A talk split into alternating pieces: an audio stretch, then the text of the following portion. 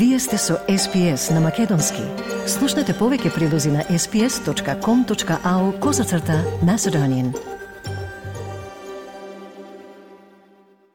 Се одржа 19-та седница на Советот за безбедност, на која се разговараше за безбедностната состојба во државата и Евроатланскиот регион. Покрај членовите на Советот за безбедност, на покана на председател Стево Пендаровски, на седницата присутствува и директорот на Агенцијата за национална безбедност и директорот на Агенцијата за разузнавање. Надлежните представници на институциите информираат за тековните безбедносни прашања поврзани со земјата и поширокиот регион, вклучувајќи ја руската агресија врз Украина, случувањата на Блискиот исток и состојбите на северот во Република Косово, се вели во сообштенијето од кабинетот на председателот Стево Пендаровски.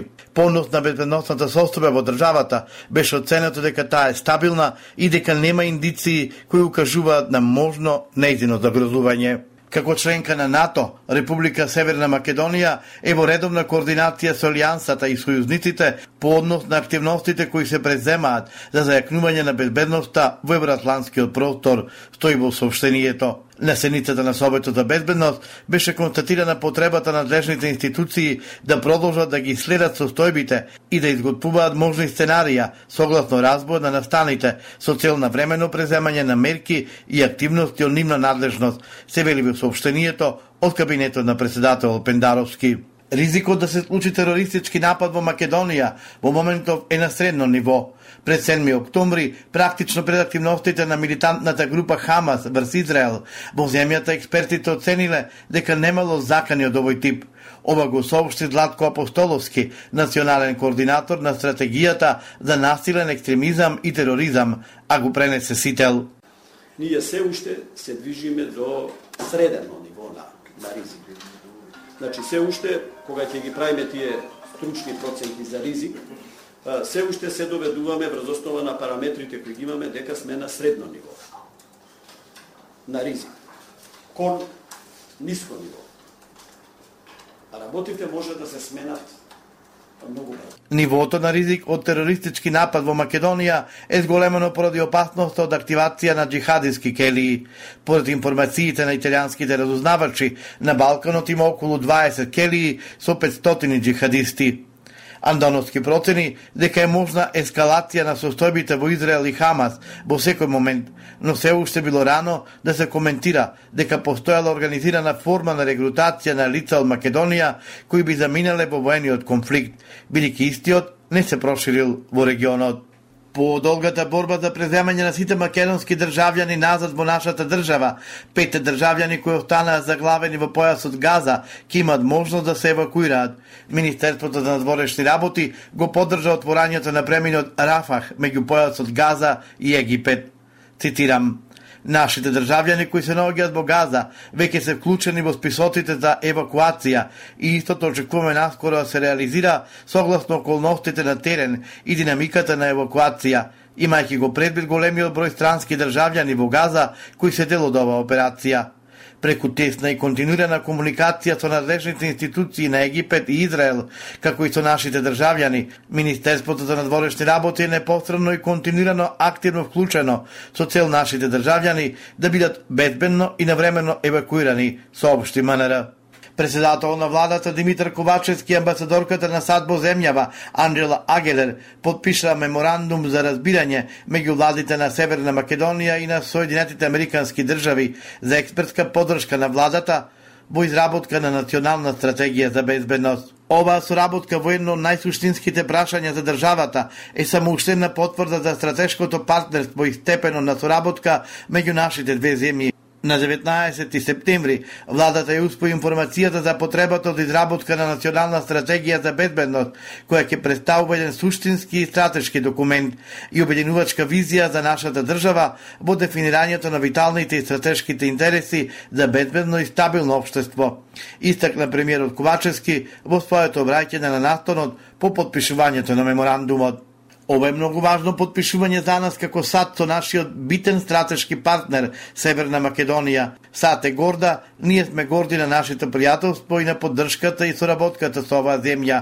И горди сме што ова е стратешко партнерство кое што носи огромни придонеси за двете земји, рече Агелер. Со 5000 аманмани ВМРО ДПМН ќе го блокира носењето на законот за амнестија.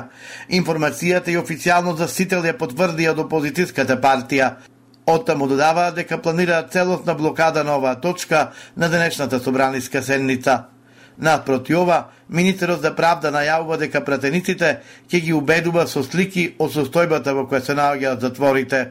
Интересно е што со законом на министерот Лога не се согласува ниту неговата заменичка во Министерството за правда, која најави дека од СДСМ ќе поднесат амандмани за да спречат осудените за монструм да бидат амнестирани. Владко Илиевски, сопругот и адвокат на Гордана Јанкуловска, која од вчера со условниот отпусе на слобода по три години и месец во затворот за случајот Тенк, во вестите на телевизија 24 рече дека поранешната министерка за внатрешни работи во наредниот период ќе бара професионален ангажман.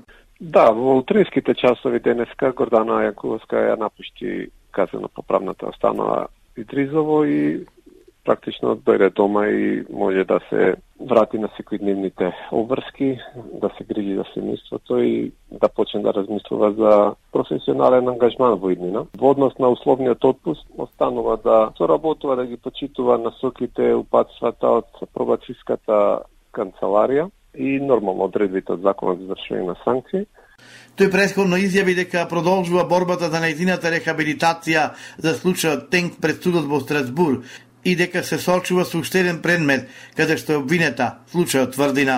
Условниот отпуст трае до септември 2024 година и таа нема да се враќа во затвор ако до тогаш не направи ново кривично дело. Воведената бугарска такса за транзит на руски газ до Македонија може да ги подкапи струјата и парното за 20%, вели премиерот Димитар Ковачевски. Дециден е дека Македонија нема да се откаже од барањето за ослободување на капацитетите за газ, а не ја исклучува ниту можноста правдата да се бара и пред меѓународни судови. Заедно со министерот за економија Крешник Бектеши вели дека реагирале пред Европската комисија, од каде пак Бугарија завчера доби зелено светло за наплата на таксата за транзит на рускиот природен газ, јави Канал 5. Нема да се откажеме да бараме ослободување на капацитетите и нема да се откажеме да бараме таа такса да не важи, затоа што затоа што се работи за неправедно надметната такса која што нема ништо со пазарни принципи и која што нема ништо заедничко со директивите на Европската Унија, иако треба тоа ќе го направиме и пред меѓународни судови. Единствената цевка од каде се внесува газ од земјава е под закуп на руски Газпром до 2030-та. Барањата од македонската страна се Бугарија да го слободи гасоводот од овој закуп, за да може во земјава да се внесе енергенсот и преку други избори, со што би се избегнала давачката.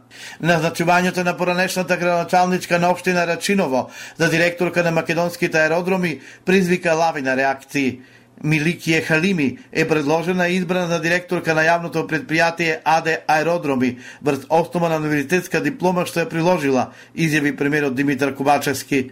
Премиерот додаде дека е избрана од надзорниот одбор на предпријатието врз основа на исполнетите критериуми. Таа е предлог на владата врз основа на универзитетската диплома што има и која ја имаат и други функционери што извршуваат претенички функции, рече Ковачевски. Халими ќе управува со двата меѓународни Скопскиот и Охридскиот аеродром, во оној дел кој не е под концесија на ТАФ, како и со спортските аеродроми. Сакате ли да чуете повеќе прилози како овој?